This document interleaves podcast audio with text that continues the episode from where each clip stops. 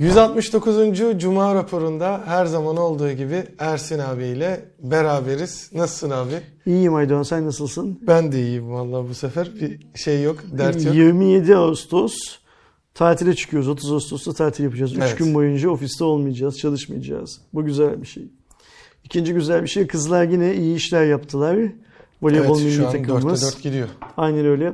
Ve son maça şey olarak çıktık. Ne derler? Favori olarak çıktık. Bir maça favori olarak çıkmak ne kadar güzelmiş mi? Böyle oturup izliyorsun rahat Şey, rahat. şey de yani. çok güzeldi. İsveç'indi galiba şeyi. Koçunun, bir Koçunun videosu söyle- çıktı. aynen Hani. öyle.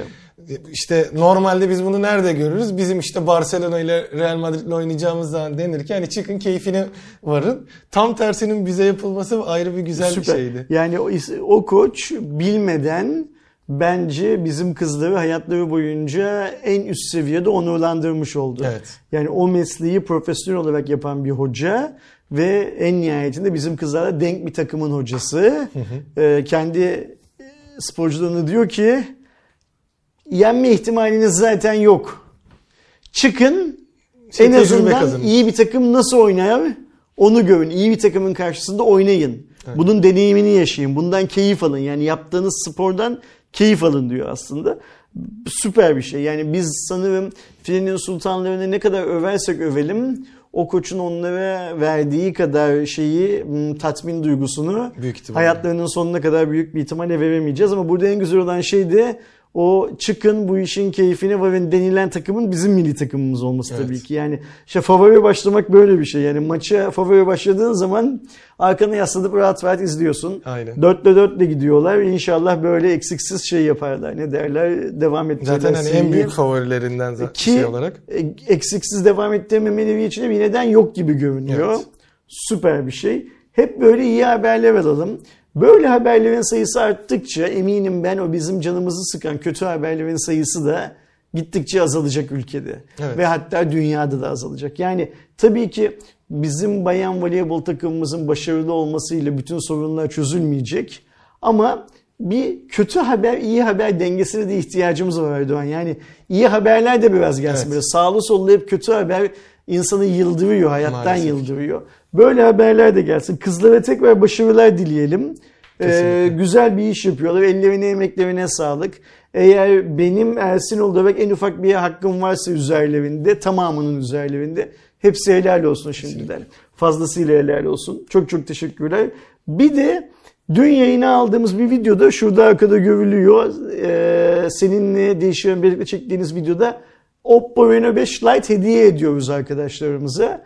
O videoyu izlemeyenler varsa izlesinler lütfen. Çünkü sonuçta bir kişi kazanacak. Neden o bir kişi Cuma raporunu izleyen bir kişi olmasın? Şartlar çok açık. Bir Yaptığınız de yorum... şey de değil böyle hani şanstan ziyade E, birazcık öyle. onlara kalacak. Yani şansı olan kazansın falan diye yorumlar var da bu şansla falan alakalı bir şey değil. İhtiyacı olan kazansın, ihtiyaçla da alakalı bir şey değil. Mesela Sıla geldi mi bilmiyorum. Bana dün Instagram'dan 3 tane takipçimiz abi benim yorumumu beğenir misin diye DM atmışlar. Ben üçünün de yorumlarını beğendim mesela. Hatta galiba benim yorumumu beğendiğim arkadaşlardan bir tanesi şu anda lider gibi gidiyor anladığım kadarıyla öyle. Ee, bunun için altında bazı hmm, şeyler ne derler kötü niyetler arayan arkadaşlar da var tabii ki. Olacak yani bu yapabileceğimiz bizim müdahale edebileceğimiz bir şey. Burada bizim açımızdan önemli olan şey ee, kazananı açıklayacağımız gün kimin en, çok, en yüksek like'ı aldı. İş Aynen. bu kadar basit yani. Yani Başka bir şey. şey. Bir de mesela şöyle şeyler var. Bazı arkadaşlarımız birden fazla yorum yazmışlar. Onun sebebi şu olabilir abi. e, aslında kendi şeyini bölmekten ziyade özellikle böyle e, şeyli etiketli ve bir anda bol yorum geldiği şeylerde incelemeye düşüyor. Biz onay Ha, almadan gö- görmedikleri için Evet. tekrar yazdılar. öyle TCR'de mi? de öyle oluyor. Yazıyor mesela Okey. "Aa, yazdım niye girmedi oluyor. Ben de onaylarken hani bir tanesini onaylamayayım şimdi belki bilinçli yapmıştır diyerek Okey, hepsini olabilir. onayladığımdan öyle. Şöyle bir şey var. Bence birden fazla mesajı eğer bilinçli olarak yazıyorlarsa boşuna mermi tüketiyorlar. Çünkü burada Bölüyor. önemli olan şey 5 mesaj yaz, yorum yaz, 5'ine birden ikişer like al değil. Bir mesaj yaz, 10 like'ı ona al. Böylece öne geç gibi bir hikayemiz var. Hmm, kazanacak olan arkadaşımız güle güle kullansın. Biz buradan sadece hatırlatalım. Haberi olmayan arkadaşlar lütfen bir kanala baksınlar ne var ne yok diye. Ve geçelim Cuma raporumuzun konularına. Şeyle başlıyoruz galiba değil mi? Sayın Fahrettin Koca'nın, Sağlık Bakanı'nın dün gece yaptığı açıklamayla Evet. başlıyoruz galiba. Top sende. Dün gece bir Twitter attı. Biliyorsunuz aslında şuradan başlamak lazım. Bizim e, Covid-19 aşı sitesi üzerinden haritada hep şeyi görüyorsunuz. İşte hangi ilde ne kadar aşılanma var ve orada da işte trafik ışıkları gibi kırmızı, sarı ve yeşil e, şeyler, şehirler Kırmızı, var. turuncu, sarı, mavi. Evet, ha, gerçi evet daha doğru. E, buradaki listeye baktığımızda uzun süredir işte birçok oran arttığı için artık renklerin değişimine görmüştük. Son birkaç gündür sadece Şanlıurfa %55'in altında kalıp kırmızı e, şeydeydi. Yani en düşük aşılanmaya sahip şehrimizdi. 12 saat önce biraz önce de kontrol ettim. Sayın Fahrettin Koca Twitter'dan açıklama yaptı. Şanlıurfa'da da artık %55'i geçti. Kırmızı değil.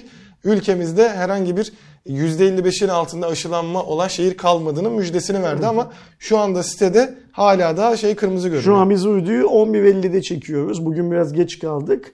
Ee, ertesi gün yani Sayın Koca açıklama yaptıktan yaklaşık 12 saat sonra hala Sağlık Bakanlığı'nın web sitesi güncellenmiş değil.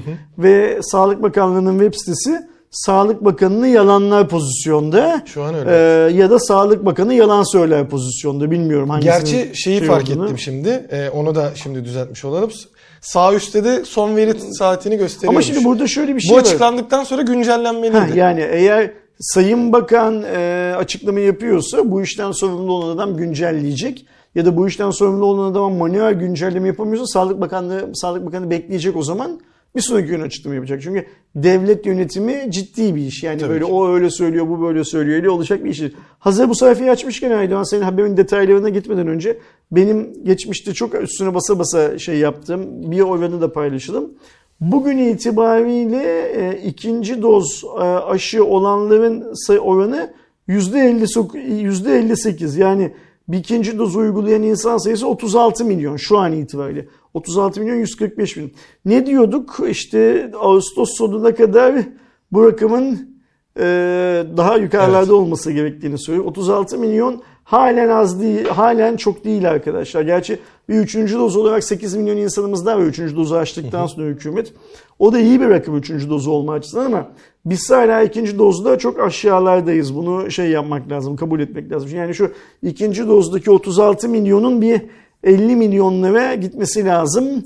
Okullar açılmadan önce bunun olması lazım ki e, okula gidip Artık gelen evlatlar zor tabii dönem yani bu saatten sonra yetişmeyecek hedeflere. O yüzden işte bu geçen hafta ya da ondan önceki hafta konuştuğumuz şeyle e, PCR testiyle biraz hani insanları ikna etmeye çalışacaklar. Onu geçen hafta Okullarda konuştuk. Yani öyle olacakmış. uygulanabilirliği vesaire gibi sorunlar var. Ee, burada arkadaşlarımızın şeye dikkat etmelerini rica ediyorum ve çevrelerindeki aşı olmayı reddeden ya da birinci dozu olup ikinci, ikinci dozu olmayan insanlara bunu teşvik etmeleri için e, genellikle hayatını kaybedenlerin büyük çoğunluğunun aşı olmayanlar arasından olduğunu Dünya genelinde e, tüm hastanelerde çalışan doktorlar bas bas bağırıyor. Yani bu demektir ki siz aşı olmayarak hem kendi ölüm riskinizi arttırıyorsunuz e, hem de sağlık sisteminin üzerine ekstra bir yük bindiriyorsunuz. E, Yapmayın bunu. Yani gidin şu aşıyı olun. E, Ben aşıyla ilgili teorik tartışmaların yaşarsak önümüzdeki dönemde daha sık yapılmasından yanayım. Bu ayrı mevzu. Ancak aşı olmadan eğer ölürseniz ee, bu teorik kavramsal anlamdaki tartışmaların hiçbirisine en ufak bir katkınız olmaz. Aynen. O yüzden ilk önce yaşayın. Aşı karşıtları da ilk önce yaşasınlar. Aşı olsunlar, yaşasınlar. Onun sonrasında oturup ayrı ayrı mecralarda savlarını dile getirsinler. Ee, bugüne kadar aşı olduğu için uçabilen yok. Ee, bilgisayara dönen, uzaktan kontrol edilebilen filan da yok bildiğimiz kadarıyla. Ee, şey yapmasınlar. Hani boşu boşuna ne kendilerini ne ailelerini e, riske atmasınlar. Bu arada aşı tarafından dünyadan gelen başka haberlerimiz var. Evet zaten hani tam onu sonrasına koymamın e, ana sebeplerinden biri de Türkiye'de hani karşıtlık seviyesinde değil de e, emin olmama, çekingen seviyesinde, çekinik seviyede kalan insanların birçoğu işte bu araştırma, işte faz 3 tamamlanmadı birçok gibi kendi açılarından, e, kendi taraflarından daha doğrusu ikna edici, kendilerini ikna edici bir veri vardı. Şimdi iki tane büyük e, sonuç çıktı. Birincisi e, Türkiye'de işte en çok uygulanan şu anda BioNTech ve Pfizer üretimi olan mRNA aşısı e, FDA'den yani Amerika'nın e, kurumundan bu aşı ve ilaçlar kurumundan tam onayını aldı. Bu da demektir ki artık uygulanan herhangi bir aşıdan farkı kalmadı e, BioNTech'in. Bunu dünyada ilk alan oldu bu arada. Ne Johnson Johnson'ın ne diğerleri e, şey olmadı. Kendi üretilenlerden e, farksız. Yani artık BioNTech'in aşı, aşısı Grip için aşısından farkı, farkı aynı öyle geliştirme aşamasında olduğunu iddia etmek mümkün değil. Şu formuyla, bu muhteviyatıyla yani mesela bir arkadaşımız eğer dün gidip aşı olduysa o aşının içindeki kimyasal oranlar neyse o oranlarla e, FDA tarafından e, gerçek bir aşı olarak onaylandı. Yani bu bundan önce konuşuyoruz hani bir risk var mı? Bir risk olabilir hikayesi Denek artık ortadan kaldı. olayı. Deneklik meneklik filan bitti. Bu çok önemli.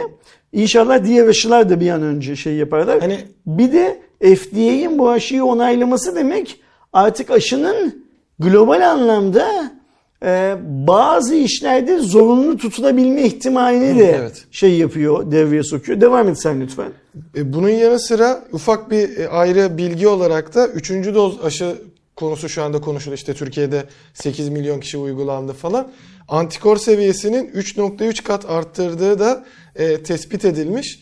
FDA'nin bu olayından sonra bir de ayrıca çok büyük bir araştırma. Şimdiye kadar evet ülkeler bazında küçük çaplar bazında araştırmalar çıkıyordu ama şimdi en azından üzerinden bir süreç de geçmesinin ardından büyük bir şey çıktı. Burada da aslında aşının yan etkileri üzerine yapılan araştırmalar ya da ne işe nasıl bir işe yaradığında. Burada da zaten İsrail üzerinden yapılmış ve 885 bin gibi gerçekten hani bir araştırma açısından ciddi bir sayıda bakılıyor. Ve burada aşıyla alakalı ve alakasız yani olanlar da var olmayanlar da var. Direkt kıyaslama yapılacak şekilde yapılmış ve bakıldığında e, aşının yan etkileri olarak e, miyokardit, kalp iltihabı, e, lenfedompati yani lenf şişmesi, apandisit ve zona hastalığı görülmüş ama şöyle bunlar hep söyleniyordu işte kalbi yoruyormuş, kalp krizine neden oluyormuş. Bakın işte benim e, tanıdık biri vardı şey oldu kalp krizi oldu oranlarında bunlar 10 binde. iki- Eniştemin 20.02 gelini Ümraniye Devlet'te çalışıyor değil mi? Ha, bir de o vardı evet. Ses kayıtları gelmiyor bu arada bak o da aklıma geldi. E, lenf şişmesi 10 binde 78, apandisit 10 binde 5 yani bildiğiniz apandisit şeyi. Bende zaten yok mesela. 10 binde şeyde e, zonada 10 binde 15,8. Zona 100 binde 15.8. Ha pardon 100 binde 10 binde diyorum. Şimdi Bunların bu hepsi de- 100 binde tabii. 10 Bu değerler e, dünyadaki tüm ilaç türevlerinde... Tam ona gelecektim Devam ben et lütfen. Ben ona gelecektim. Ee, buradaki şimdi baktığınızda aa, hani işte miyokardit ihtimali varmış işte 100 binde 2,7 bile olsa bana denk gelebilir diye düşünmeniz normal. Bu korkutabilir. Ama ben de diyecektim ki evinizde şu anda bulunan herhangi bir ilacın prospektüsünü ve olası yan etkilerine baktığınızda zaten bunların e, birçoğu hatta bazen daha kötüleri bile olabilir kullandığınız ilaca bağlı. Örneğin şeker ilaçlarında biraz daha farklı şeyler var. Kalp Ay- ilaçlarında. Ayrıca lafını vallahi keseceğim. E, miyokardit, lenfodenopati, apendist ve zona hastalığı dışında birçok evde kullandığımız başka şeyler. Mesela atıyorum e, mutfağa ilk kez aldığımız yurt dışından gelen bir tatlandırıcı. Yani bu bir ketçap, mayonez filan tarzında bir şey olabilir. Bir konserve ürün olabilir filan.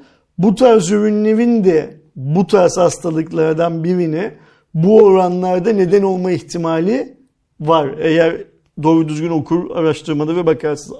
Ayrıca evde kullandığınız işte sinek ilacıydı, temizlik maddesiydi. Yani temizlik maddesinden kastım diş macunundan e, Arap sabununa, e, çamaşır suyuna kadar tamamı da da aşırı kullanımlarda bu hastalıklar değil ama bazı rahatsızlıklara neden olabilme ihtimalleri tıpkı burada olduğu gibi 10 binde 15, 100 binde 5, işte 10 binde 2.8 filan gibi oranlarda mevcut. Yani bunu şunun için söylüyorum. Aydoğan'ın belirttiği oranlar evet 100 binde 2.8 belki o ben olacağım diyebilirsiniz. Ama bunu günlük hayatta her yerde söylüyorsunuz zaten. Ve hatta arabaya bindiğiniz zaman trafik kazası oranını düşünün. Ee, ya da işte evinde elektrik çarpması nedeniyle hayatını kaybeden insanların oranını düşünün. Boğazına O- bir şey kaçması gibi basit bir Aynen öyle. olabilir. Onların tamamı da bu oranlarda gerçekleşiyor zaten. Bu da demektir ki artık e, Almanların ürettiği yani iki tane Türk bilim insanının üretilmesinde büyük rol oynadığı aşı dünya çapında üzerinde en ufak bir soru işareti kalmayan bir aşı olarak Aynen. dünya tarihine geçti. Kesinlikle. İş bu kadar basit. Yani Hatta- hiç üzerine işte şöyle olacak, böyle olacak filan filan diye artık bu saatten e, şey konuşanlara hani o Keslan şeyi var ya, Aynen. e, karikatürü var Şey, ya. Batman He, aynen öyle. Yani Keslan diyeceksiniz artık. Çünkü artık Keslan deme hakkımız bu saatten sonra. Kesinlikle. Zaten bir de hani araştırmayla alakalı gelen hususlara baktığımızda örneğin bu miyokardiden çok bahsettik işte. Burada baktığınızda aslında miyokardinin e, Covid-19'u yakalandığınızda olan durumuna göre orada o 100 binde 11'miş. 4 kat azaltmasını sağlıyor. Aslında seni yine bu durumdan koruyor. Yani işin şeyi kısmı her zaman var. Hani ben aşı olmak istemiyorum işte bu aşamalar var diyebilirsiniz. Sonunda eğer Covid-19'a yakalandığınızda yaşayabileceğiniz sorunları düşündüğünüzde o çok daha bir ayrı oluyor. Hatta en çok merak edilen ve en çok konuşulan şey de vardı. Pıhtı konusu. Pıhtıda da 885 bin aşılanan kişide yapılan e, bu insanların hiçbirinde e, aşılanmadan kaynaklı bir pıhtılaşma görülmemiş. Şu burada bir şey daha söyleyelim ancak ondan sonra bu aşıların olayının bir de Türkiye'deki olay Evet. şeyine geçeceğiz. Şimdi şöyle bir şey var. Ee, Salgının ilk günlerinde 3 yıllık bir aşı e, onaylanma süresinden bahsediyorduk ya. Ve bu aşı karşıtı olan arkadaşların hepsinin en büyük şeyi ne derler argümanı buydu. Gerekli çalışmanın yapılmadığı, yapılamadığı, zaman olmadığı ve işte böyle çok da emin olmayan bir sıvının insan vücuduna zikredildiği ya da zerk edildiği neydi onun Türkçesi?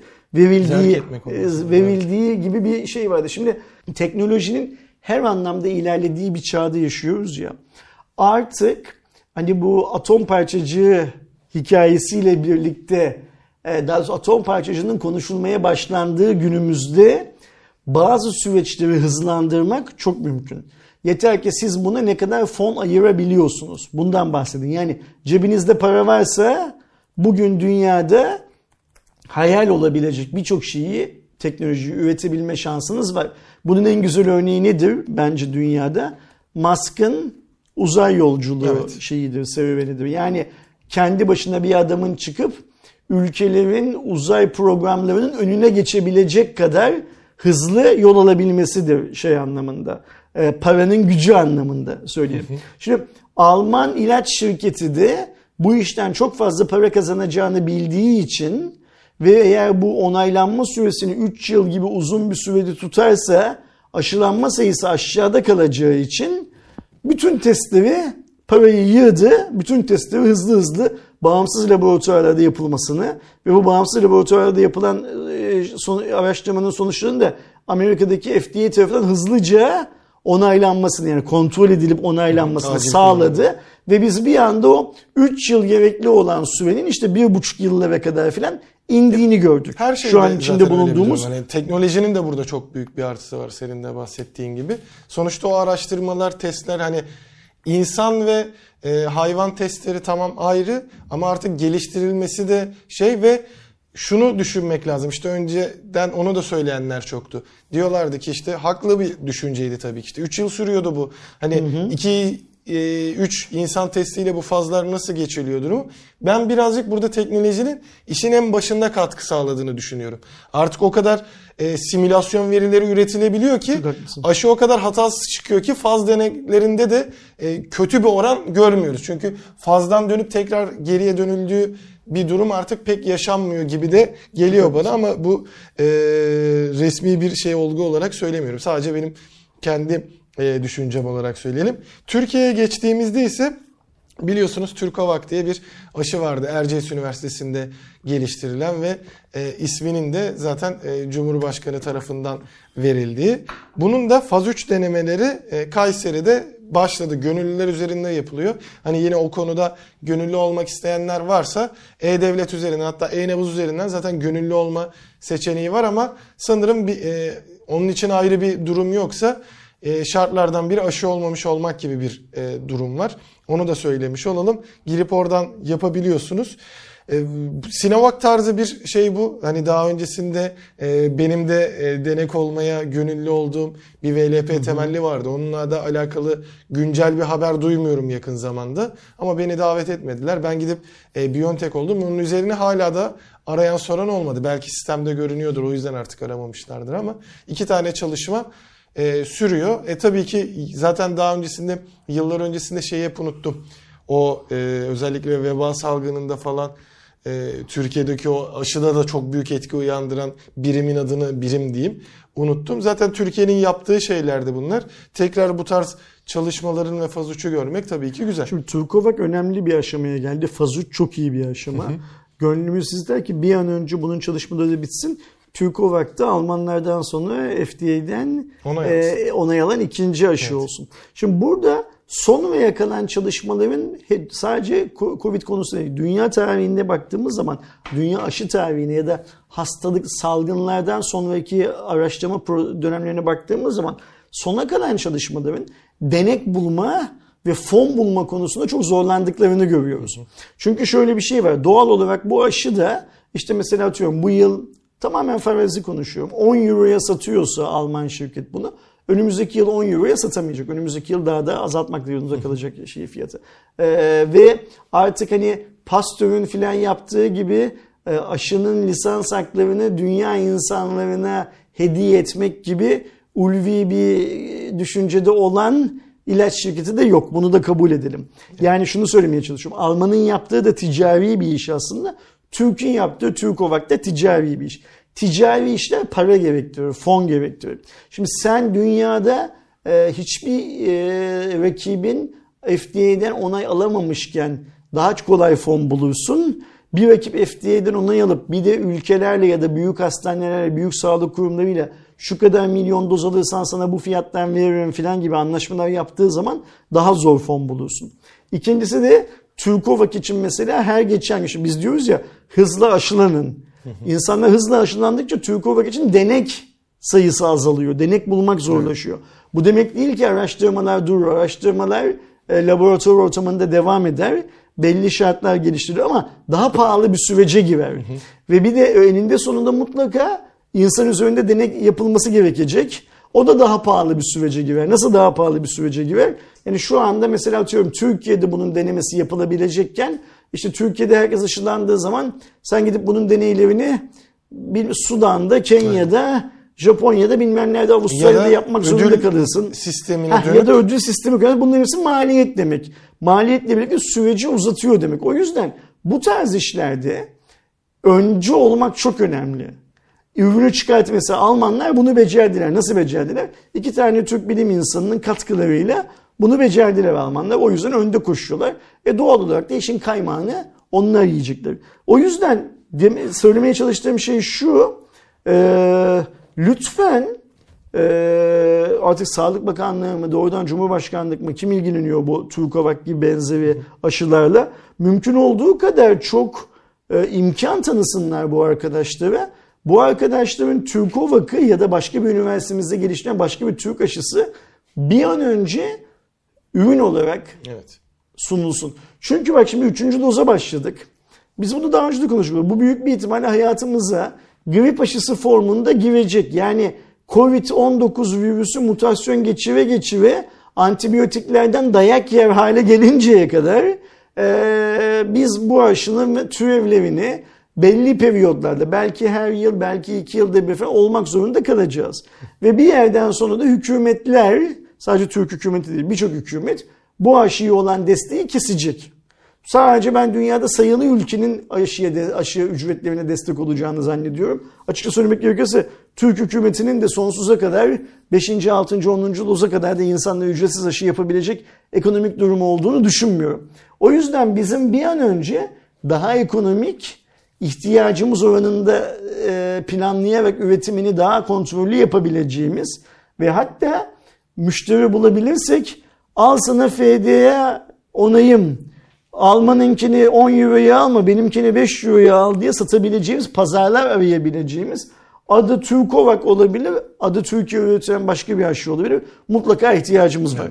Evet, Türkiye'de kaç tane ekip varsa gerekiyorsa bu ekipler konsolide edilmeli. Yani mesela şu anda 10 tane eğer ekip çalışıyorsa gerekiyorsa ekip sayısı 2'ye indirilsin. Daha hızlı sonuca gitmek için. Yani buna bir e, birisi el atsın, bir yetkili el atsın. Şu anda en son Artık 8 koca mı etki el, el atar, Varank mı el atar, Sayın Cumhurbaşkanı Recep Tayyip Erdoğan mı el atar bilmiyorum ne olduğunu. Ama bizim artık biz de yapıyoruz'a değil yaptığa ihtiyacımız var bu saatten sonra. Niçin?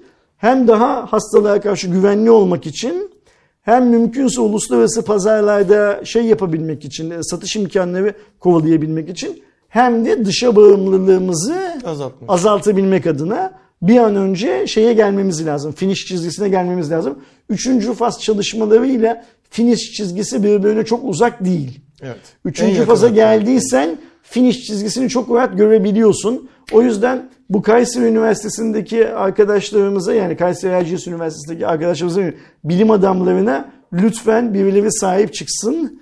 Lütfen bu e, çalışmaların ivmesi arttırılsın. Momentumunu yükseltelim yani şey anlamında ve bir an önce sonucunu görelim diyelim ve e, bir sonraki haberimize geçelim. Ne dersin? Geçelim. Şimdi sıradaki haberimizde garip bir veri var. Hani bu kadar olacağını tahmin etmiyorum dediğim TÜİ'nin açıkladığı Öyle bir mi? veri.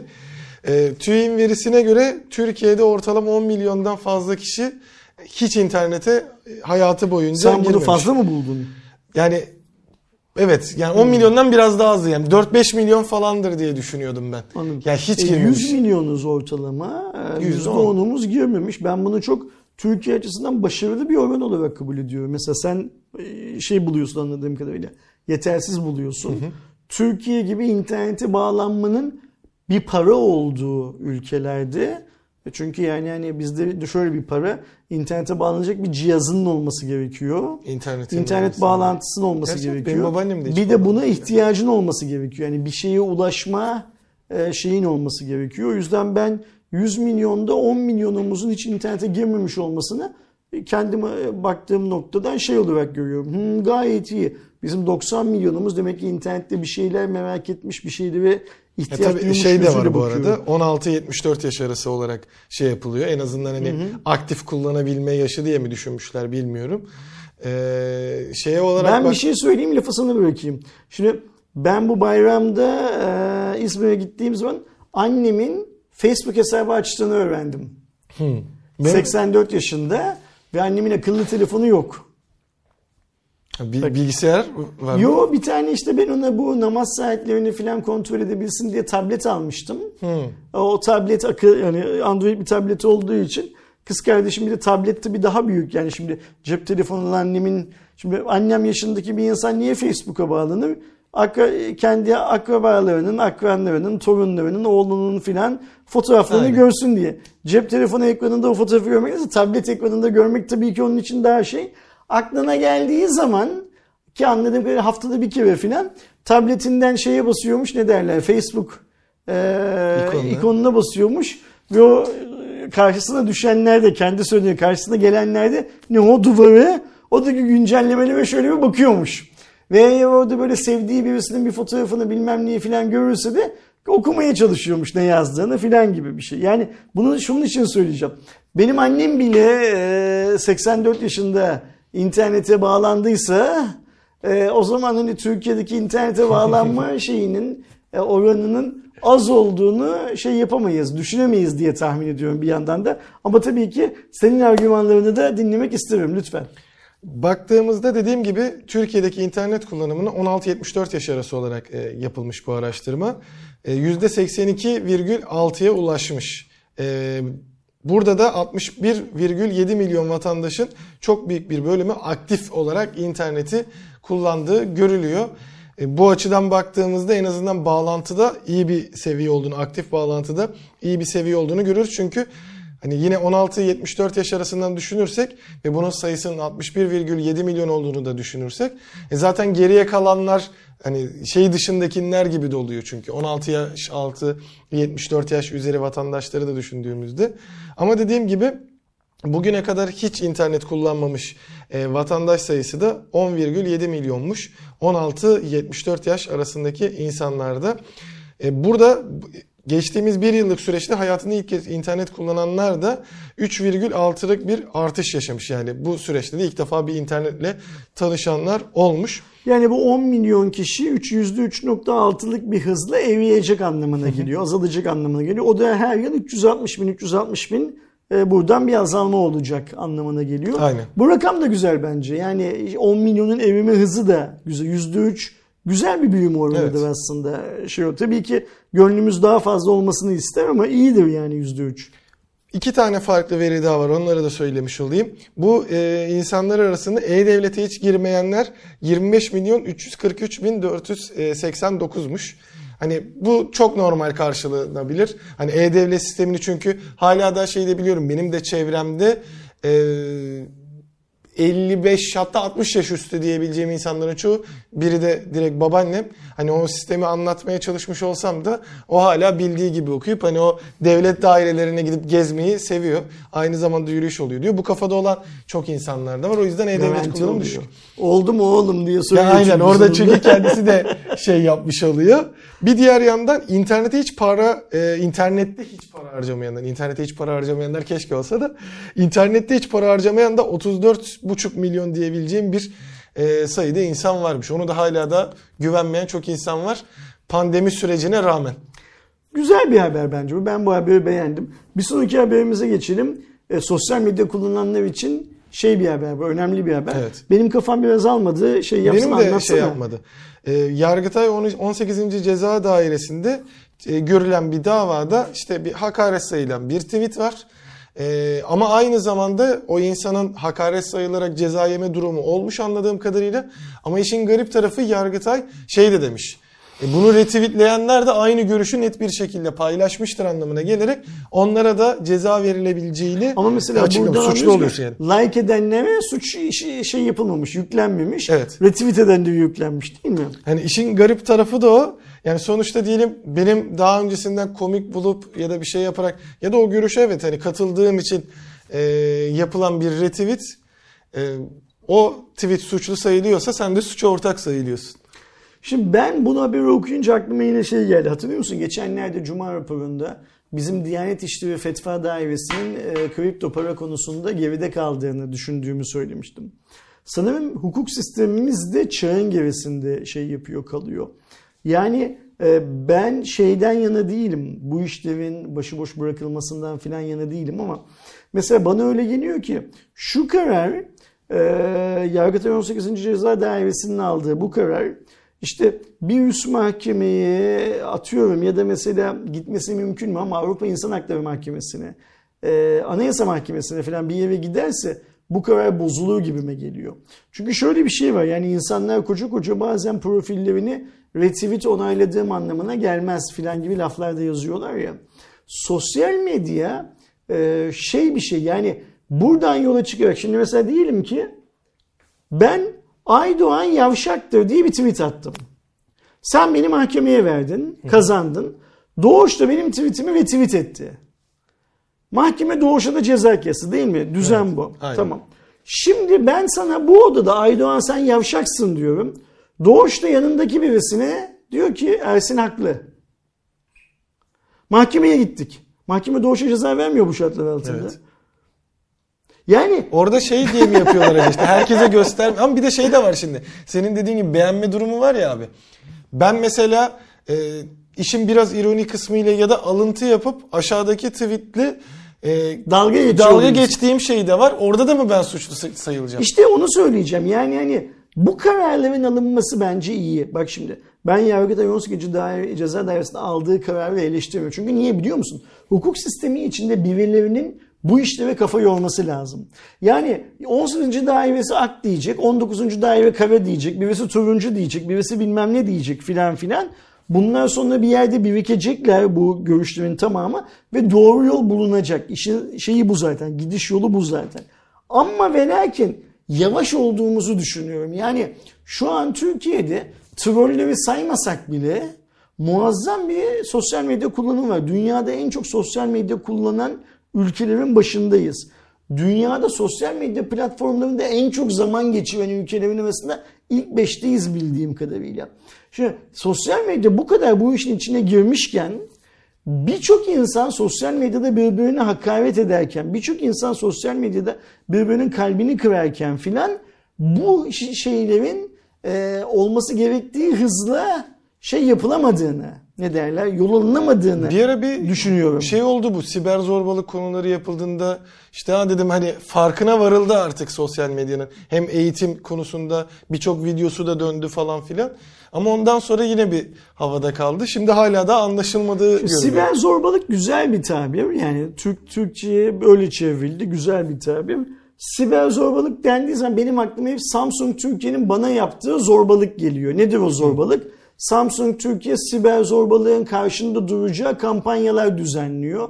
Diyor ki ailelere çocuklarınızın diyor okulda, internette, sokakta ya da herhangi bir yerde başkaları tarafından taciz edilmesine izin vermeyin diyor. Çocuklarınızın böyle bir durum karşısında hakları olduğunu bilmelerini sağlayın diyor. Ama Samsung Türkiye kendi eliyle benim bazı haklarımı benim elimden almaya çalışıyor. Beni susturmak için beni mahkemeye veriyor. Yani ele veriyor salkımı öbürünü bilmem ne yapıyor filan gibi bir durum var. İşte o yüzden ben bu siber zorbalık kelimesinden çok haz etmiyorum. Niye biliyor musun? İki yüzlülük var işin içinde. Yani adam kalkıyor Türkiye'ye siber zorbalık konusunda ben sosyal e, proje yapıyorum diye hava atıyor. Ama kendisi siber zorbalığın değil. Gerçek anlamda zorbalığın en büyüğünü bir yayıncı olarak bana yapıyor. O yüzden kavrama karşı uyuzum sırf Samsung Türkiye yüzünden. Fakat çok haklısın. Bu kadar çok internet bir de mesela şöyle sahte hesaplar var Türkiye'de. Yani bak mesela birçok kadınımız işte Tinder vesaire gibi app'lerde fake profillerde kendi fotoğraflarının kullanıldığından şikayetçi. Burada hiç şey yapmıyorum. Ya o kendisi açmıştır, sonra vazgeçmiştir, unutmuştur. Hiç bunun önemi yok. Benim değil diyorsa onun değildir. Yani hani biz hiçbirimiz bunun dedektifliğini yapacak ya da mesela şöyle bir şey var. Kullanmıştır 3 gün vazgeçmiştir. O şey değil, e, onun derdi değil. Yani. İman etmiştir silmeyi, kapatmayı her neyse. Yani bizim bu internet, sosyal medya dediğimiz şeyde balonun içinde çok fazla suç unsuru var. Ve bu suç unsurlarının büyük bir kısmı bu bahsettiğin tarzda siber zorbalığın altına girebilecek suç unsurları aslında. Ve biz bu suç unsurları konusunda hızlı yol alamıyoruz gibi görünüyor bana. Çok daha hızlı yol almamız lazım. Yani bilmiyorum nasıl yapılacağını. Ben tabii ki işin erbabı değilim ama şöyle şeyler var. Mesela işte insanlar e, birbirlerine küfrediyorlar. Ve e, küfretmekten kastım hani böyle bir ağız alışkanlığı tarzında küfür değil. Yani mesela daha dün şey yaptım gördüm. Birisi kalkıyor kendi siyasi görüşünde olmayan bir şey için. Mesela biz seninle diyelim ki farklı siyasi görüşteyiz. Sen A'cısın atıyorum ben B'ciyim. A'cı geri zekalı Aydoğan'ın daha önce iddia ettiği gibi filan böyle şeyler yazabiliyor adamın teki. Ve o tweet silinmiyor, o tweet hakkında herhangi bir yaptırım uygulanamıyor vesaire vesaire filan. Bunların şey yapılabilmesi, önüne geçilebilmesi lazım. O yüzden Yargıtay 18. Ceza Dairesi Başkanı'nı ben her ne kadar alınan kararla çok şey yapmasam da, e, hoşbeş, hoşnut olmasam da tebrik ediyorum. Ve diyorum ki inşallah diğer dairelerde bu işi el atarlar. Adalet Bakanlığı bu işin ne kadar ciddi bir iş olduğunu anlar ve sırf bu konuyla ilgili yasal düzenlemeler dünyada ne durumda, biz Türkiye'de ne yapabiliriz, mağdurlar hangi segmentlerde ortaya çıkıyor, bu mağduriyetler nasıl şey yapılabilir, sonlandırabilir vesaire vesaire gibi konularda biraz kafa yormaya başlarız. Çünkü ben mesela şeyden çok tiksiniyorum Aydoğan. Bazı siyasi figürlerin bazı başka siyasi figürler hakkında doğrudan söyledikleri, ima ettikleri. Siyaset zaten şey bir şey. Evet. Ayrıştırıcı bir şey. Zaten insanları ayrıştırıyor. E Türkiye'nin son 15 yılına baktığımız zaman da insanlar zaten hiç ayrışmadıkları kadar birbirlerinden ayrılmışlar. Yani suyla zeytinyağı gibi bir homojen şey var. Yani su bir yerde duruyor. Evet. Homojenitemiz o kadar. Yani, yani hiç iç içe değiliz. Biz su bir yerde duruyor, zeytinyağı bir yerde duruyor ayrı ayrı. Şimdi bu şartlar altında sosyal medyayı da bunun bir platformu olarak kullanmanın çok şey olduğunu ne derler yanlış olduğunu. Ayrıca ekilen bu nefret tohumlarını da çok kısa sürede yeşerttiğini düşünüyorum. İşin içine troll hesaplar bilmem neler filan filan da girdiği zaman. Troll hesabı nereden biliyoruz? Twitter'ın kendisi söylüyor. Evet. Türkiye'de ne kadar çok troll hesap olduğu da. Hatta o troll hesapların hangi e, oluşuma hizmet ettiğini vesaire vesaire de söylüyor. O yüzden bence bir an önce hukuk sistemimizde bu anlamda çok büyük şeyler yapılması lazım. Adımlar atılması lazım. Yargıtay 18. Ceza Dairesi gördüğüm kadarıyla bir yerden kafa yormaya başlamış. Başka arkadaşlar da topa girerlerse biz bu işin altından kalkarız gibime geliyor. Yani şey olmadığı müddetçe e, daha öncesinde zaten Cumhurbaşkanı Erdoğan'ın da hani açıklaması vardı sosyal medya ile alakalı. Ama o açıklamalar geldiğinde hani en azından geçmişe dönüp baktığımızda bizde sorunu çözmek yerine kökünden çözmek Çünkü Cumhurbaşkanı Erdoğan'ın açıklamasından ben şunu anlıyorum. Cumhurbaşkanı Erdoğan bunun küllüm kapatılmasından yani. Aynen. Heh, yani o, so, o söylediğinden onu anlıyorum. Yanlış anlıyor olabilir mi? Ben de öyle algılıyorum. Öyle anlıyorum. İşte öyle olmaması için Düzenli bunların yapılması lazım. Onu söylüyorum zaten. Çünkü iş çığırından çıkarsa yani şöyle bir şey var. Yani kangren olan bacağı keseceksin derler ya. Bu en şey ilkel de olsa aslında vücudun geri kalanını kurtarmak için gerekli olan ve benim bildiğim kadarıyla doktor arkadaşlarım bildiğim kadarıyla şu an hala öyle mi ama tıp fakültelerinde e, doktor tıp öğrencilerine telkin de edilen bir eğitim yolu bu aslında. Cumhurbaşkanı da oradan hareket ediyor bence. Ancak tabii ki sorumlu yöneticilik gereği e, aslında bu işin nasıl zapturapt altına aldığımıza filan bakmak lazım. O işe de galiba Yargıtay'daki bir tane ceza dairesi gönüllü olmuş, atlamış. İnşallah diğer daireler de şey yaparlar, topa girerler ve böylece kapatmak yerine, kapatma seçeneklerini masanın üstüne tutmak yerine kapatmadan biz bunun normlarını nasıl belirleriz konusunda. Tabi burada şey de çok önemli. Şikayet mekanizmalarındaki şikayetlerin hızlıca sonuçlandırılabilmesi de çok önemli. Tabii. Yani sen ben senin attığın tweetten şikayetçi olacağım 5 yıl sürecek. Bu böyle bir şey. Ben senin attığın tweetten şikayetçi olacağım. O bir an önce karşılığını alacak filan filan gibi. Güzel bir iş. Hayırlı Hatta olsun. şey bile olabilir gibi geldi şu anda konuşurken. Bu ara işte kulak sağlığı, göz sağlığı vesaire gibi e, alakalı şeyler yaptığımızda bir e, avukat arkadaştan konuşup 2021 yılında daha önce çok benzer videolar yapıldı ama günümüz e, hukuk sisteminde, Türk hukuk sistemindeki sosyal medyada insanların hakları hakkında da bir şey içerik çıkartabiliriz gibi bir şey geldi aklıma şu anda. Öyle bir şey de yapabiliriz. Yaparız. Bunu yapabileceğimiz çok yakın bir avukat arkadaşımız da var zaten. Türkiye'nin çok bilinen bilişim hukukçularından bir tanesi. Davet ederiz kendisini. Oturup kendisiyle konuşuruz. Yani ne haklarımız var ve kendi haklarımızı, çocuğumuzun haklarını nasıl koruyabiliriz bu tarz e, durumlardan diye bir şey yapalım. İyi fikir, iyi fikir. Evet. Bunu şey yapalım, konuşalım. Şimdi gelelim Xiaomi'ye. Xiaomi geçtiğimiz hatta dün e, itibariyle kendi ikinci çeyrek raporunu açıkladı. Raporda tabii ki önemli artılar var. Baktığımızda şu anda dünya üzerindeki 22 farklı ülkede lider konumunda, dünya çapında da ikinci sıradaki yerini koruyor. Kazanç olarak da 13,5 milyar dolara denk gelen onlar normalde tabii ki yuan olarak açıklıyorlar ama dolara çevirdiğimizde 13,5 milyar dolarlık bir kazanç elde ettiği bu da geçen seneye göre %64 gibi bir artış var. Hatta bazı verilerinde %110'un üzerine geçen bir başarı yakalamış durumda Xiaomi. Bu pandemi sürecinde ki e, yine konuşacağımız kısım gelecek. Çip krizleri de e, kendi etkisini göstermeye devam edecekken ciddi bir sıçrama yakalamışlar. Yani parayı para demiyor Xiaomi evet. şu anda. Ama bunların hepsini hala Arge'ye yatırıyor mu onu bilmek lazım. Onu, dün de onu konuştuk. Arge patronun cibi. Yani o Arge hikaye. Xiaomi hangi anlamda Arge yapıyor %5 ki? miydi şey? Kar oranı %5'ten %5 olduğunu söylüyordu. Orada tutacaklarını söyledi. Ama tabii burada hep söylüyorum şöyle bir hikaye var. Şimdi sen e, neyi ne kadar mal ettiğini kimseye söylemezsen kar oranını %5'te tutarsın tabii ki. Öyle bir şey yok. Burada önemli olan şey bu açıdan anlıyoruz ki şimdi iki önemli şey var. Birincisi arkadaşlarımızın duymak istediği şey söyleyeyim. Xiaomi artık dünyanın neredeyse bir numaralı cep telefonu şirketi. Yani henüz bir numara değil ama şöyle bir şey var. Biz dünya teknoloji tarihinde Apple'dan başka bu kadar hızlı büyüyen bir şey görmedik. Ne derler? Oluşum görmedik. Yani Samsung böyle bir hızla e, şey olmadı lider olmadı mesela dünyada. Evet. Samsung ilk başta bocaladı. yani o bocaladığı dönem neydi? İşte akıllı telefon öncesiydi. Sonra Apple iPhone'u çıkarttığı zaman Samsung ne yapacağını bilemediği için bocalama fetret devrine döndü neredeyse. İlk çıkarttığı telefonlar Android telefonlar Samsung'un kötünün kötüsü telefonlardı. Sonra orada işte Samsung'un ve LG'nin sahip olduğu Koreli zeka devreye girdi Biz dediler bir Koreli teknoloji şirketi olarak bu işi kötü yapamayız. Bu işi nasıl iyi yapacağımızı formülize edelim. Formüller yapıldı, planlar yapıldı ve Samsung ondan sonra yürüdü.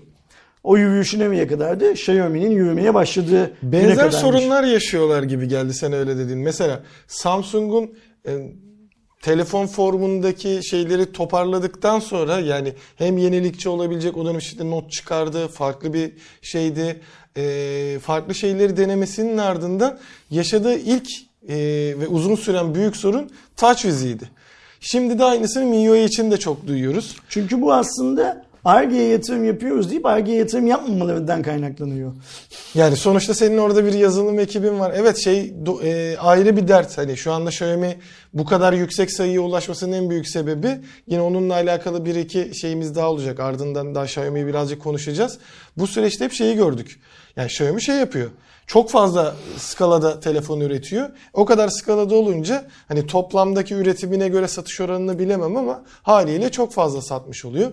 E senin elinde 200 tane farklı güncel yani güncelleme alması gereken cihaz varsa sonuçta iki cihazı, üç cihazı hazırlamaktan bu kadar Çok cihazı haklısın. hazırlamak da zor oluyor ama e, sen böyle bir şeyi yapıyorsan, üretim bandını bu kadar farklı cihazla genişletiyorsan bir zahmet yazılım kısmını da genişlet ki her cihaz için gerekirse orada kontrol edecek ve geliştirecek bir ekip olsun. Şimdi son zamanlarda Amerikalı bazı analistler teknoloji şirketleri için ama teknoloji şirketinden kastım genel anlamda teknoloji şirketi cep telefonu teknolojisi üreten şirketler için hani bu kendi kendini yiyen, yiyen yılan vardır ya Evet. kuyruğundan başlar yemeği o döngünün başladığına dikkat çekiyorlar.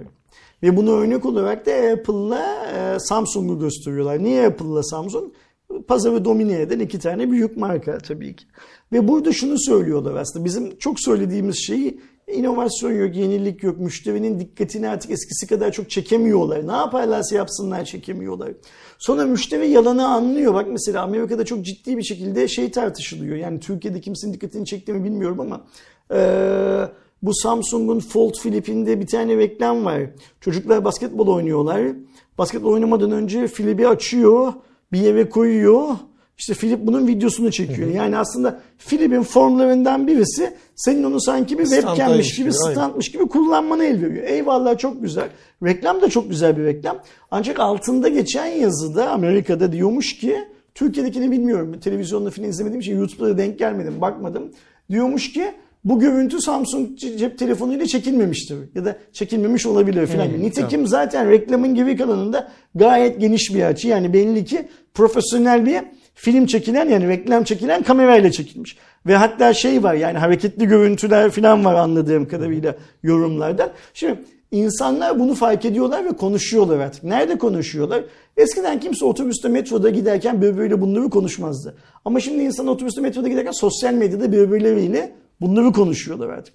Ve deniyor ki mesela işte hani bu kendi kendini yiyen, yiyen yılan modunda. Yani sen yeni bir form çıkartıyorsun ama form için böyle yanlış bir reklam yapınca o formun geleceğini tamamen şey yapıyorsun, riske atıyorsun. Çünkü insanlar diyorlar ki bu kamera bu görüntüyü çekmedi. Bu kamera kötü görüntü çekecek bilmem ne filan filan.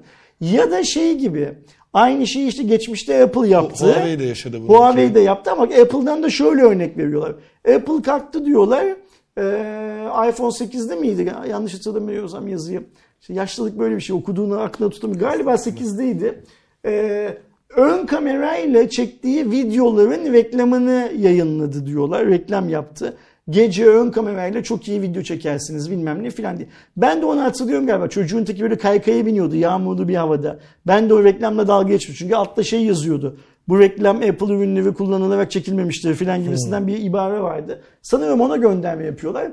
Cihazı alıp gece fotoğraf çekmek isteyenler, gece video çekmek isteyenler çok kötü olduğunu görüyorlar. Çok kötü olduğunu görünce de markaya olan şeyleri azalıyor. Sen iyi diye Güvenleri azalıyor. Bu marka beni kandırıyor. Ve bu işte o yılanın yiyecek. Çünkü yılan ne yapar? Başka hayvanları yiyerek büyüyor. Başka hayvan bulamadığı için kendi kuyruğunu yiyor ya açlıktan. Kendi kendini yeme hikayesi buradan doğuyor. Şimdi bence ben de bu sava katılıyorum ve ben de bunu bir adım daha öteye götürüyorum. Xiaomi de kendi kendini yiyecek. Ya şimdi Xiaomi çok güzel serpiliyor. Bir piton olarak böyle nemli, sulak bir yer bulmuş kendisine. Av da çok var piyasada. Çok kolay avlı, avlanabiliyor da. Ama işte bir şey o sular çekilecek. E, orası ısınacak biraz. Yani o biliyorsun nemli olması lazım Evet. ortamın. Orası ısınacak, avlar azalacak Kuruyacak. filan filan. Ve Xiaomi de kendi kuyruğunu ye- yemeye başlayacak. Eğer gerçek anlamda heyecan yaratacak olan bir tane cihaz ya da seri ya da inovasyon ortaya koyamazsa diyeceğim ama Xiaomi'nin ortaya koyduğu zaten tarihinde hiçbir inovasyon yok. Yani o yüzden Xiaomi'de bu kendi kendine yemeye başlaması çok daha hızlı olacak gibime geliyor. Bu arada Xiaomi ile ilgili iki haberimiz daha Evet. var Aydoğan. Onlara da bir şey yapalım ne derler e, el atalım. Ondan sonra diğer şeye geçelim. Birincisi Xiaomi markası bundan sonra Mi seviyesini kullanmayacak diye Aynen. bir açıklama var. Ve bu açıklamayı yapan da e, Xiaomi adına XDA Developers'da konuşan bir, Bir sözcü. şirket sözcüsü. Ne diyor? Biz diyor bundan sonra diyor Xiaomi'de Mi modellerini ortadan kaldıracağız diyor. Yani mesela buradan şunu anlıyoruz. İşte yakın zamanda çıkmasını beklediğimiz Mi 11T Xiaomi 11T olarak Aynen. çıkacak. Hatta bu örneği de veriyor galiba. Mesela böyle böyle devam edeceğiz diye. Yani Redmi kalıyor anladığımız Evet. kadarıyla. Ama Xiaomi artık Xiaomi model adıyla devam edecek. Arada bir Ya Mi burada biraz serisi- daha Apple'laşma var. Mesela normalde Android kanadında görüyoruz işte Oppo Reno 5. Ee, onun dışında ya Xiaomi'nin işte Redmi'si vardı. Samsung'un Galaxy serisi İşte var. o tam ona gireceğim. De, Samsung'un Galaxy şimdi Samsung Galaxy A, M, S, Note, ıvır zıvır filan filan bılalar vardı. Evet. Ee, biz Xiaomi'de Samsung gibi olan düzeni Apple gibi olan bir hale getirmeye çalıştığını görüyoruz değil mi? Yani şunu yapmaya çalışıyor Xiaomi galiba. Benim pahalı cihazlarım ve iyi olan cihazlarım Xiaomi markasıyla çıkar. Redmi'ler vardır, Poco'lar vardır. Onlar farklı farklı segmentli olarak yollarına devam ederler filan gibi bir şeye getiriyor galiba Sanırım. değil mi? Yani e, burada tabii şey de belki kafa karışıklığını azaltmak istiyordur. Redmi ile Mi Ya şimdi kafa karışıklığından beslenen bir şirket bu. Ya kafa tabii. karışıklığı sayesinde şey yapıyor, satış yapıyor. O yüzden bunu azalt kendi bacağına sıkmasa ya da kuyruğunu yemeye bu kadar erken mi başlayacak? Yani Hani bilemedim. e, direkt hani onunla alakalı açıklama yok. Yani neden böyle bir tercih yaptıklarına dair.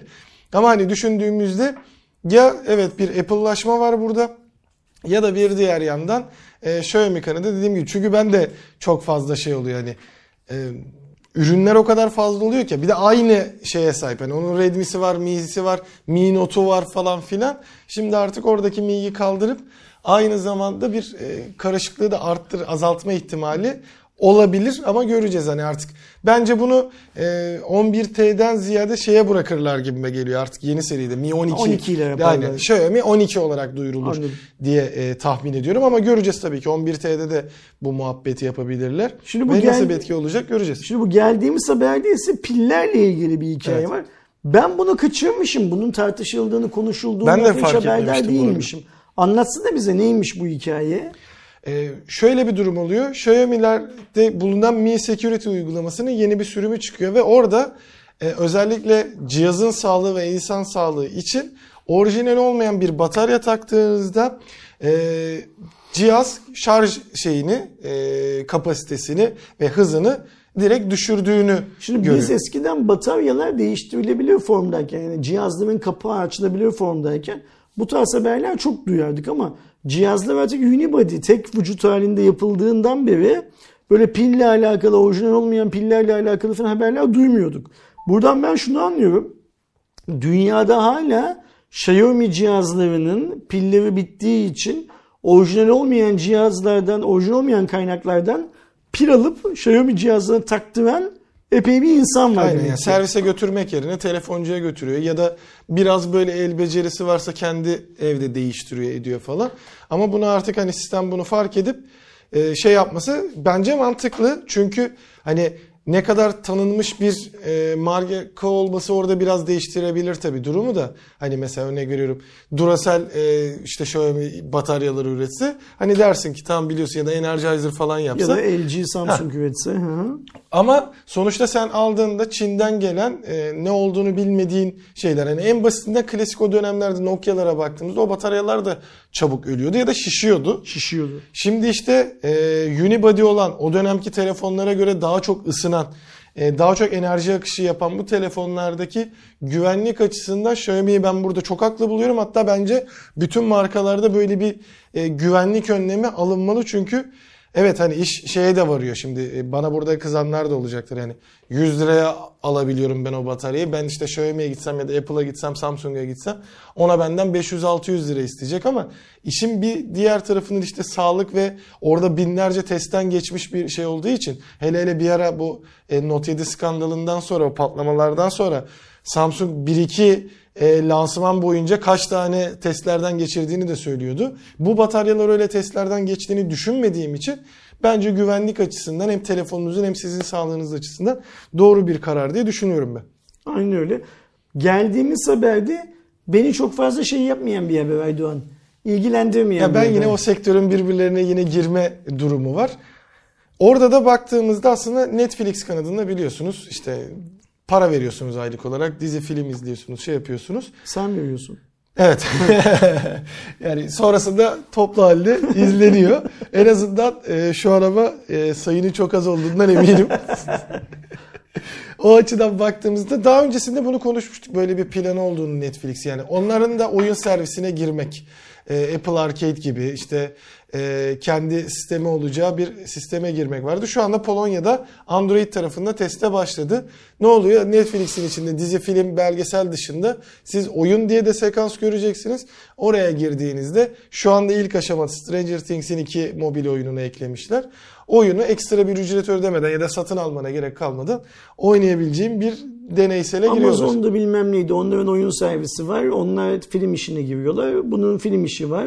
Bu da oyun işine Aynen. giriyor. Yani hamleler, karşılıklı hamleler yapılıyor. İleride Disney de girer kesin böyle Büyük bir şeye ihtimalle. tutarsa. O şeyin olayın doğası gereği ha içinde kaliteli oyun olursa para vermediğim platformda oynarım tabii ki ayrı Aynen. mevzu. Ama para verirsem şey yapmam ekstra para Ya vereceksem. şeydeki de ben biraz şey oluyorum. Yani bu tarz durumlarda sinir olduğum bir durum var bilgisayarda da.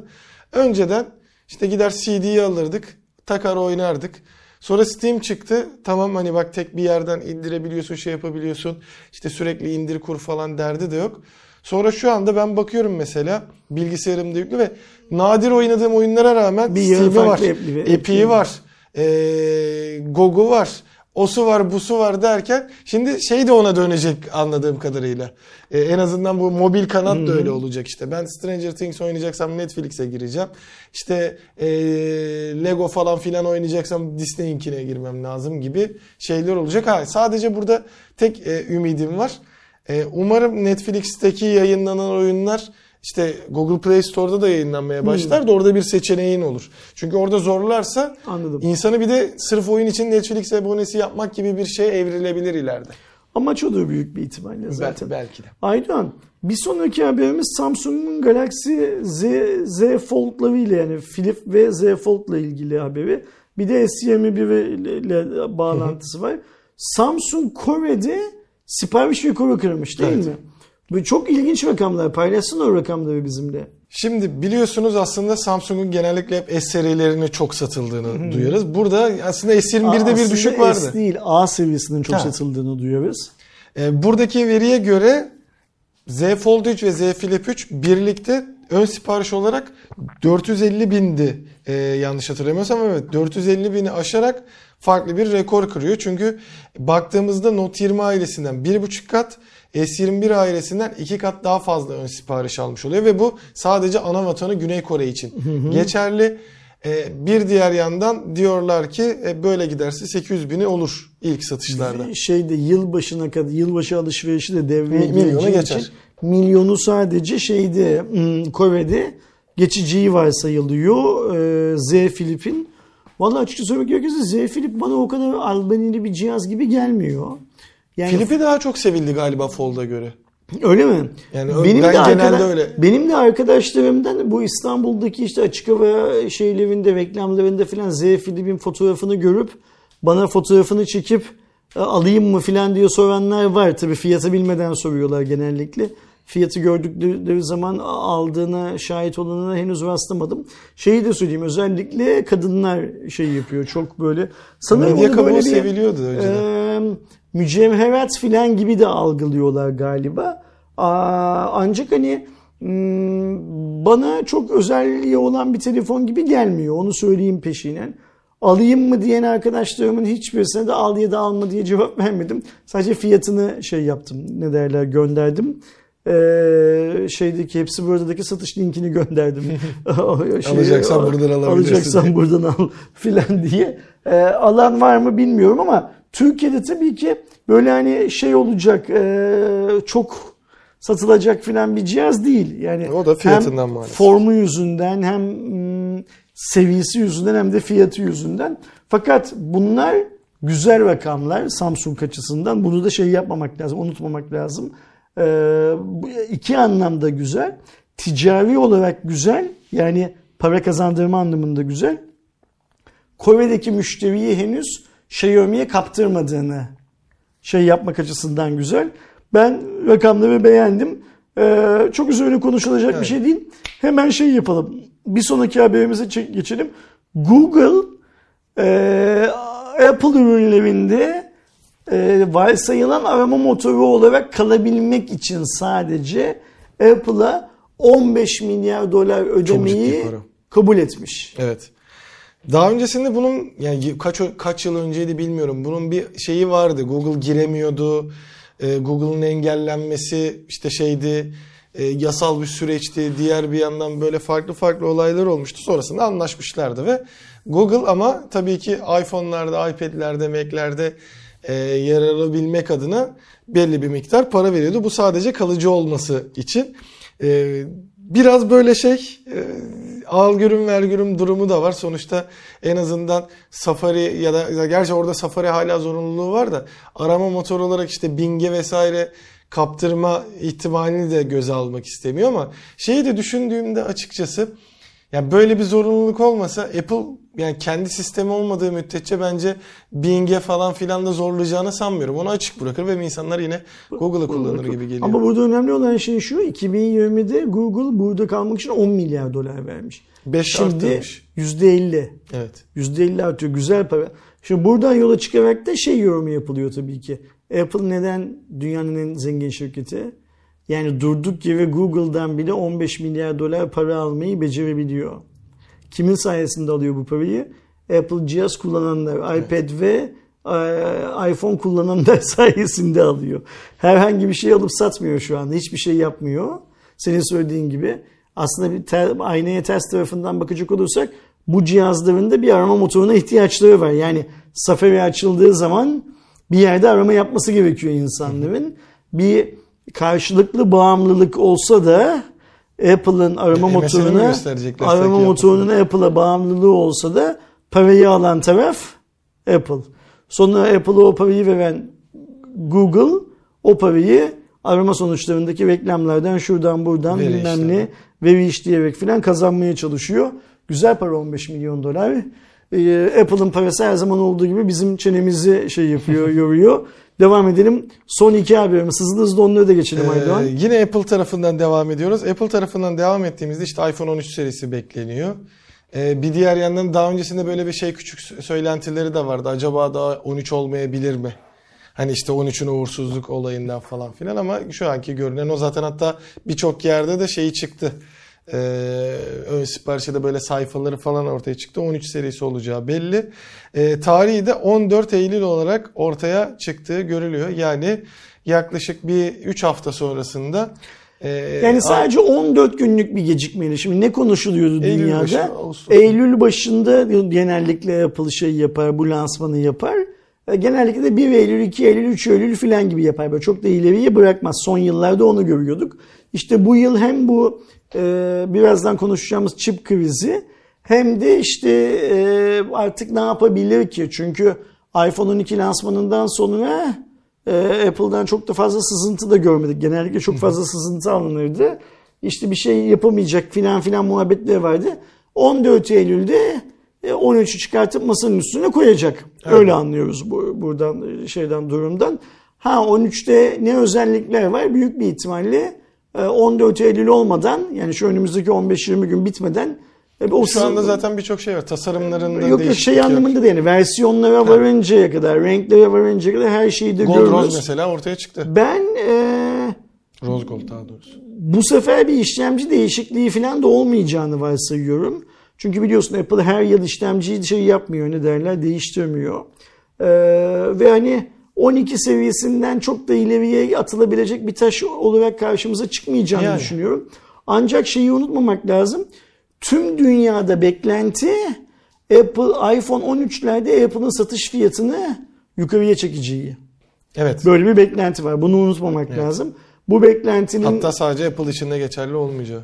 Bu beklentinin ana nedeniyle de son haberimizde gelelim. Aslında birbirleriyle bağlantılı Evet. haberler değil ama biz bu haber yüzünden fiyatın yukarıya çıkacağını düşünüyoruz. Çünkü e, işte Tayvan'daki e, TSMC'nin e, çip fiyatlarını bu çip krizleri ve üretimdeki sorunlar vesaire nedeniyle fiyatı arttıracağı hatta bunun e, baktığımızda e, en gelişmiş çiplerin fiyatlarında %10 daha düşüklerinde %20 gibi yani e, en gelişmiş çiplerde hadi zaten belli başta alıcısı olduğundan mı daha az gelişmişlerin daha çok kitleye hitap etmesi lazım. Yani aslında genel anlamda daha pahalı olacak. Evet. Çünkü çok satanlar daha çok pahalanacak. Bir de arkadaşlarımız burada sadece cep telefonunu düşünmesinler. Bu işin içinde Aynı iş, şey laptop işlemcisi de var.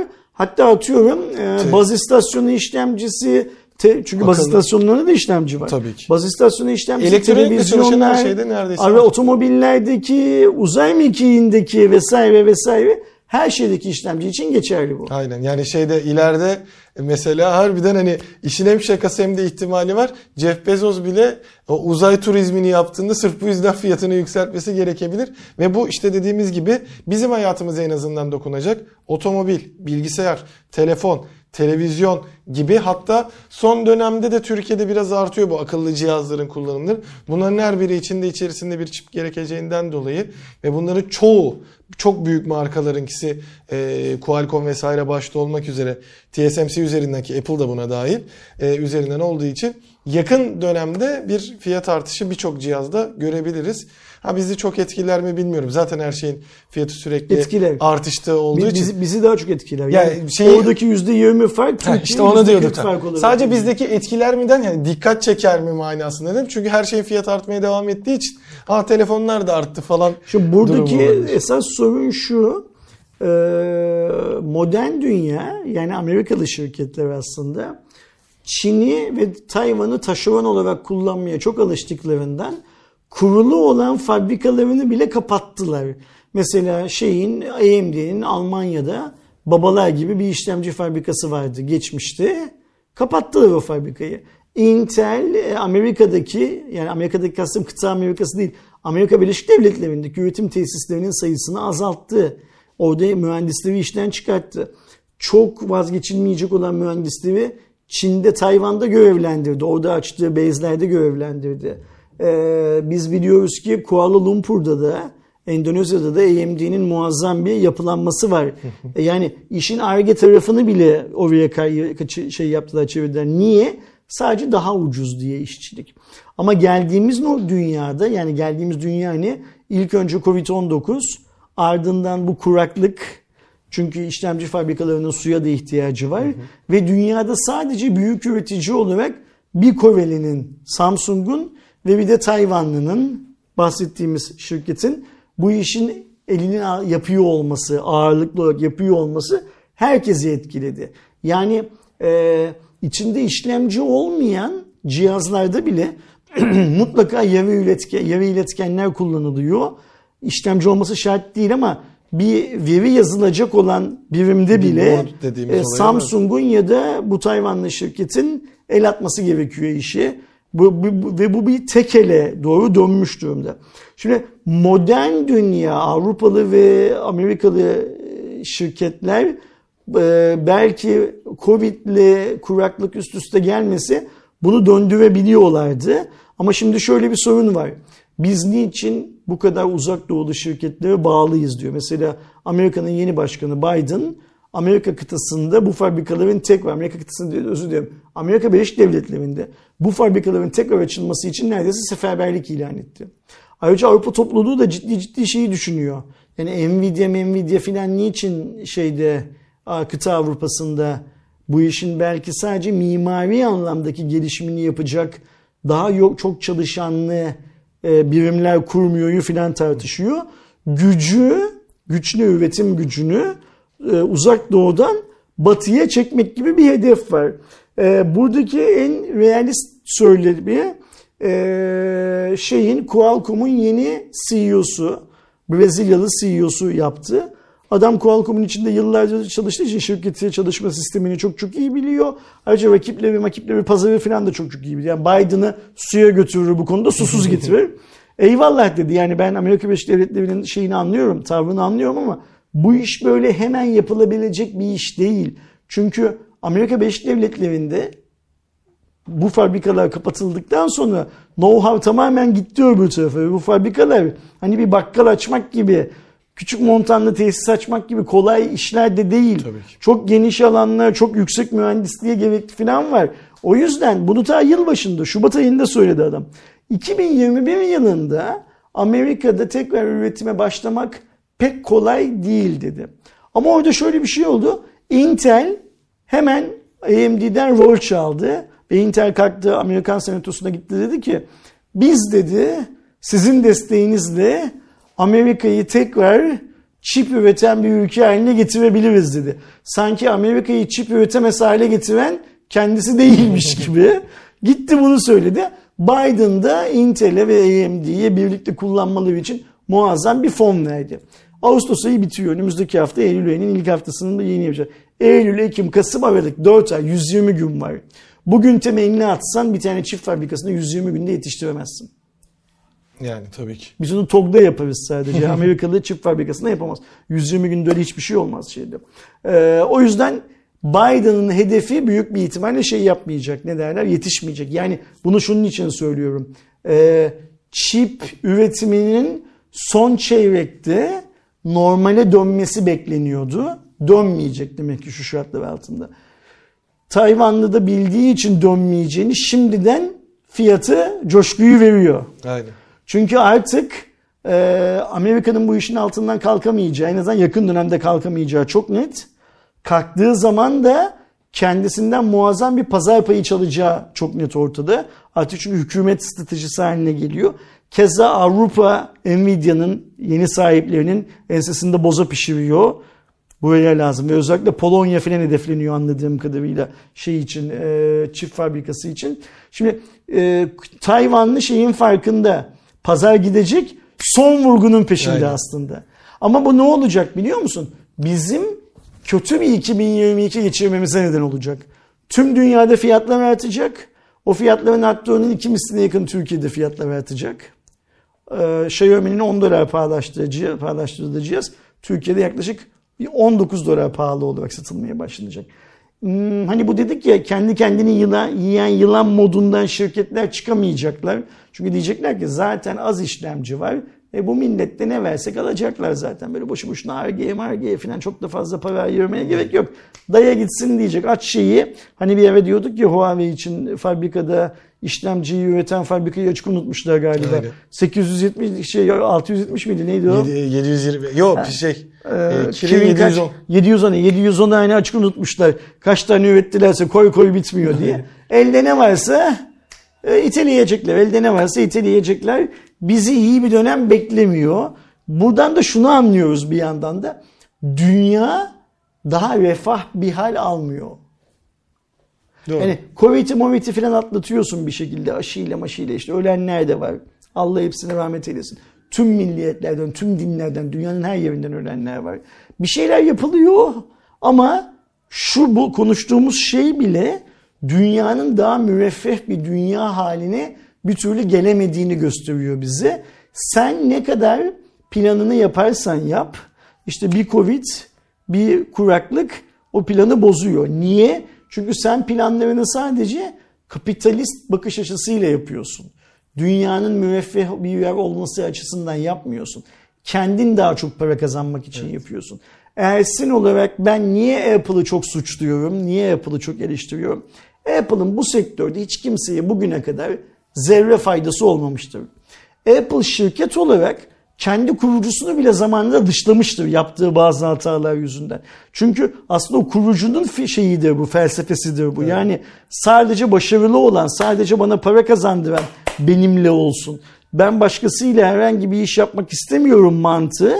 Steve Jobs'u da yeri geldiği zaman şirketten uzaklaştırmıştır. Hatta o zamanlar Steve Jobs'u uzaklaştıranlar biraz daha güçlü olsaydılar Steve Jobs'un şirkete tekrar geriye dönüşünün de önünü kesebilecek duruma kadar yükselmişlerdi. Şimdi diyorum ya Apple'ın insanlık tarihine hiçbir faydası yok diye.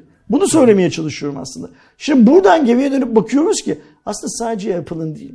İşin kapitalizmiyle e, kafayı bozan Google, Intel, AMD, ıvı zıvı filan gibi şirketlerin de faydaları aslında çoğunlukla kendilerine olmuş Erdoğan. Doğru. Yani bize daha iyi işlemci vermeyiz. Sadece bizden daha çok para almak için yapmış. Mor kanunlarını sadece e, bana e, iki yılda bir değil mi yeni işlemci mor kanununda? Evet. İki yılda bir yeni işlemci satsın diye uygulamış aslında sadece. Sonra da iki yılda bir yeni işlemci satarak yeterli karlılığa ulaşamayacağını fark edince ya biz artık mor kanununa tabi değiliz. Biz her yıl yeni işlemci geliştireceğiz deyip bu sefer de her yıl benim cebimden para almaya kalkmışlar ve bu düzen böyle gidiyor. O yüzden buradan özellikle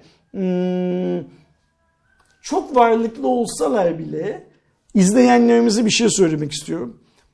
Cep telefonu, tablet, laptop gibi teknolojik ürünlerinizi her yıl değiştirmek zorunda değilsiniz. Kesinlikle. Biz Türkler olarak bu paraya sahip değiliz. İşte coğrafya kader yani. Yani Bu ülkede doğdun diye böylesin. Almanya'da doğsan belki böyle olmayacaktın. Japonya'da doğsan belki böyle, Amerika'da doğsan belki böyle ama bu ülkede doğdun diye böylesin. Ha diyecek ki arkadaşımız, ya Ersin abi sen ne kadar iyi niyetlisin. Ben zaten yılda böyle değiştiremiyorum ki. Ben 3 yılda böyle değiştiriyorum. Arkadaşım sen de 3 yılda böyle değiştirmeyeceksin. Sen de 4. yıl nasıl kullanırımın yolunu arayacaksın. Çünkü bizim, bizim dediğim senle benim değil, bizi izleyenin tüm Türk halkının eee, daha müreffeh bir yaşam standartına ulaşabilmemiz için yapabileceğimiz tek şey ürettiğimizden daha az tüketmek. Doğru. Yani kesin. Ürettiğimizden daha çok tükettiğimiz sürece Ya da daha fazla üretmek. Heh, ürettiğimizden daha fazla tükettiğimiz sürece dolar artmış, şu şöyle olmuş, bu böyle olmuş, vergiler bu kadar pahalıymış filan diyebiliriz. Şimdi ürettiğinden daha fazla, daha az tüketemiyorsan, tüketimini azaltamıyorsan ne yapman lazım? Üretimini. Üretimini arttırman lazım.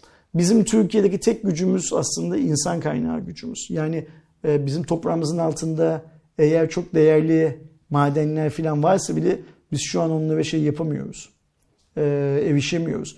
O madenleri bizden başkasının erişmesini engellememiz gerekiyor. Bizim erişebilecek teknolojilere sahip olmamıza güne kadar. Yoksa oraya Kanadalı gelsin altın e, madeni açsın, buraya bilmem kim gelsin, Fransız gelsin HES yapsınla filan bu iş çözülmez. Üretmemiz lazım. Yine aynı şeyi söyleyeceğim. Geçmişte defalarca aynı şeyi söyledim. Çok kızdı insanlar bana yine kızsınlar. Türkiye hayvancılık ve teknoloji, hayvancılık ve tarımda teknolojiyi kullanmayı öğrenmek zorunda. Bizim otomobil yapmakla, bilgisayar yapmakla, cep telefonu yapmakla filan gidebileceğimiz çok fazla bir yerimiz yok. Bunlar yapılsın. Bunlar güzel işler. Ama bunlar sadece günü kurtaracak. Günü de belli oranlarda kurtaracak projeler. Bizim bir an önce eee, atıyorum mesela şu an İstanbul'dayız. Bize en yakın komşumuz var Yunanistan, Bulgaristan'dır burada değil mi? Şey. Yunan halkının, Bulgar halkının yediği fiyattan kaliteli et yemesi lazım bu vatandaşın. Evet. Yunan halkının, Bulgar halkının yediği fiyattan kaliteli domates alıp yiyebilmesi lazım bu vatandaşın. Yunan halkının, Bulgar halkının sahip olduğu demokratik haklara sahip olması gerekiyor. Niye Yunan Bulgar diyorum biliyor musun? Bir süre önce Edirne'deki esnaf gidip Bulgaristan'dan alışveriş yapıyormuş. Şimdi Bulgarlar gelip Türkiye'de alışveriş. Niye? Çünkü adamların parası eskiden çok ucuzken TL'den daha düşükken şimdi TL'den Şimdi daha TL'den pahalı. tabii. Niye? Tanrı'nın eli değmedi adamlara. Sistematik bir şekilde çalıştırıldılar. kendisi bunu beceremiyorsa Avrupa topluluğuyla entegrasyon süresinde Alman disiplini olan sopa kafasına vura vura çalıştırdı. Bak bundan 4 yıl önce Yunanistan iflas ediyordu değil mi? Morkoç krizinde. Türkler hayal kuruyorlardı. Ada satın alacağız değil mi? Gazetelerde öyle başlıklar çıkıyordu. Aynen. Biz alalım bari o adayı falan. Ha, ada alan Türk var mı? Nah alırsın o adayı. O adayı almak için cebindeki paradan daha fazlasına sahip olman lazım. Sadece parayla olabilen işler değil onlar. Ne oldu o batan Yunanistan'da battı mı? Yunanistan'da hala insanlar şeyden şikayetçiler. Ee, Gösteri falan ne derler? yapıyor. Hayat şartlarının Mortkut krizi öncesine dönmediğinden hala şikayetçiler. Ama unutma bir Yunan parası hala 9 Türk lirası. Değişen bir şey yok yani orada. Niye? Euro bölgesinin içinde. Şimdi sen Türkiye'de arkadaşlar hepimiz Türkiye'de bir şeyleri daha iyi üretmek zorundayız. Ve elimizdekilerin değerini daha çok bilmek zorundayız. Ee, öğrenci adam daha iyi ders üretecek, daha iyi ödev üretecek. Bizim yaptığımız yayıncılığı biz daha iyi yapmaya çalışacağız. Daha tasarruflu yapmaya çalışacağız. Bize çocukken çok öğretilen son 10 yılda falan çok fazla duymadığım tasarruf konusunda daha çok eğileceğiz. Evdeki kimsenin olmadığı odadaki ışık kapanacak. Damlayan musluğun e, şeyi contası değiştirilecek. O musluk damlamayacak filan filan. Ancak tüketimimizi azaltabildiğimiz kadar azaltacağız. Üretimimizi de maksimuma çıkartacağız. Ben Türkiye'de yediğim ette verdiğim para kadar dö- dönüp dolaştığım ülkenin hiçbirisinde ete para verdiğimi, yani o kadar pahalıya et aldığımı bilmiyorum mesela. Ee, Türkiye gibi Anadolu'yu bir ova olarak düşünürsek hayvancılığa bu kadar müsait bir ülkede niye et mesela bu kadar pahalı? Yine aynı şeyi söyleyeceğim. Bundan bir yıl önce, bir buçuk yıl önce bu halk niçin tanzim denilen oluşumların önünde sıraya girdi? Ne almak için sıraya girdi? Domates ve soğan almak için sıraya girdi. Patates almak için. Patates almak için. Türk mutfağından domatesli soğanı çıkartırsan geriye ne kalıver Erdoğan? Bizim her yemeğimizde domates ve soğan vardır. Ve bu ülke kendi ihtiyacı olan domatesi yetiştiremedi. Bu ülke kendi ihtiyacı olan soğanı yetiştiremedi. Tansimlerin önünde sıraya girdi insanlar. Bunu bozmak lazım. Bu düzeni geriye çevirmek lazım. Ee, çok et üreteceksin. Protein, bol bol protein yiyecek insanlar. Yani söyleyeceğim şey şu. Şimdi bu muhabbet çok uzar. Bu bizim normalde videoların başında yaptığımız Aynen. muhabbeti bu sefer sonunda yapar hale geldik. Kapatalım o yüzden. Ee, pahalı fiyattan işlemcisi olan cihazları almak konusunda iki düşünün bir şey yapın. Alım eylemi yapın. Öyle söyleyelim. Yani bu cihazların eminim içlerinde çok güzel olanlar olacak.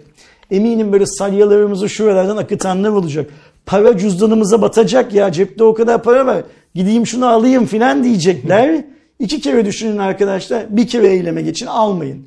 Bir süre gerçekten almayın. Yani bırakın siz bu alım kararlarınızı erteliyorsunuz diye HVP gibi bu sektörün büyüklüğünden destek alan kurumlar ekonomik alanlarda zorluk yaşasınlar. Yani bırakın biz az para kazanalım. Bırakın Türkiye'ye gelip fabrika kuran e, ya da Türkiye'de bu işin distribütörlüğünü bilmem nesini filan yapan yabancı şirketlere bağlı çalışan Türk şirketlerde yabancı şirketlerde karlılıklarında biraz şey yaşasınlar. Azalma yaşasınlar. Bunlar kısa vadede bizim canımızı sıksa da uzun vadede e, sorunların çözümü konusunda daha ciddi önlemler alınmasını sağlayabilecek şeylerdir. Ne derler? Hareketlerdir. Yeter ki bu hareketleri bilinçli olarak yapın. Münferit olarak değil bir komünel sistem içinde yapmaya çalışın. Yani birisi kalksın desin ki ben iPhone 11'den iPhone 13'e geçmeyeceğim. Aynen. Ve başka insanlar da geçmesin. Atıyorum burada iPhone olması şart değil. Mi 10'dan da Mi 12'ye geçmesin mesela. Mi 10 bir şeye geçmesin. Yani hani bunlar sistematik bir şekilde yapılırsa eğer biz ancak o zaman o üretim tüketim dengesini biraz olsun birbirine yaklaştırmaya çalışırız. Masada Ama yeni telefonun durmasına gerek yok. ama üretimi arttıramadığın sürece kıçını da yırtsan çok fazla bir şey E, tabii yapamazsın. ki. Kesin. Üretimi mutlaka arttıracağız. Üretimi mutlaka arttıracağız. Nasıl arttıracağız üretimi? İşte dedim öğrenci daha iyi ödev yapacak. Dişçi daha çok diş çekecek. Bilmiyorum nasıl yapılır. Ee, diğer mühendis daha çok bilmem ne yapacak. Üretimi böyle arttıracağız. Ya da Bu işlere hiç girmeyeceğiz.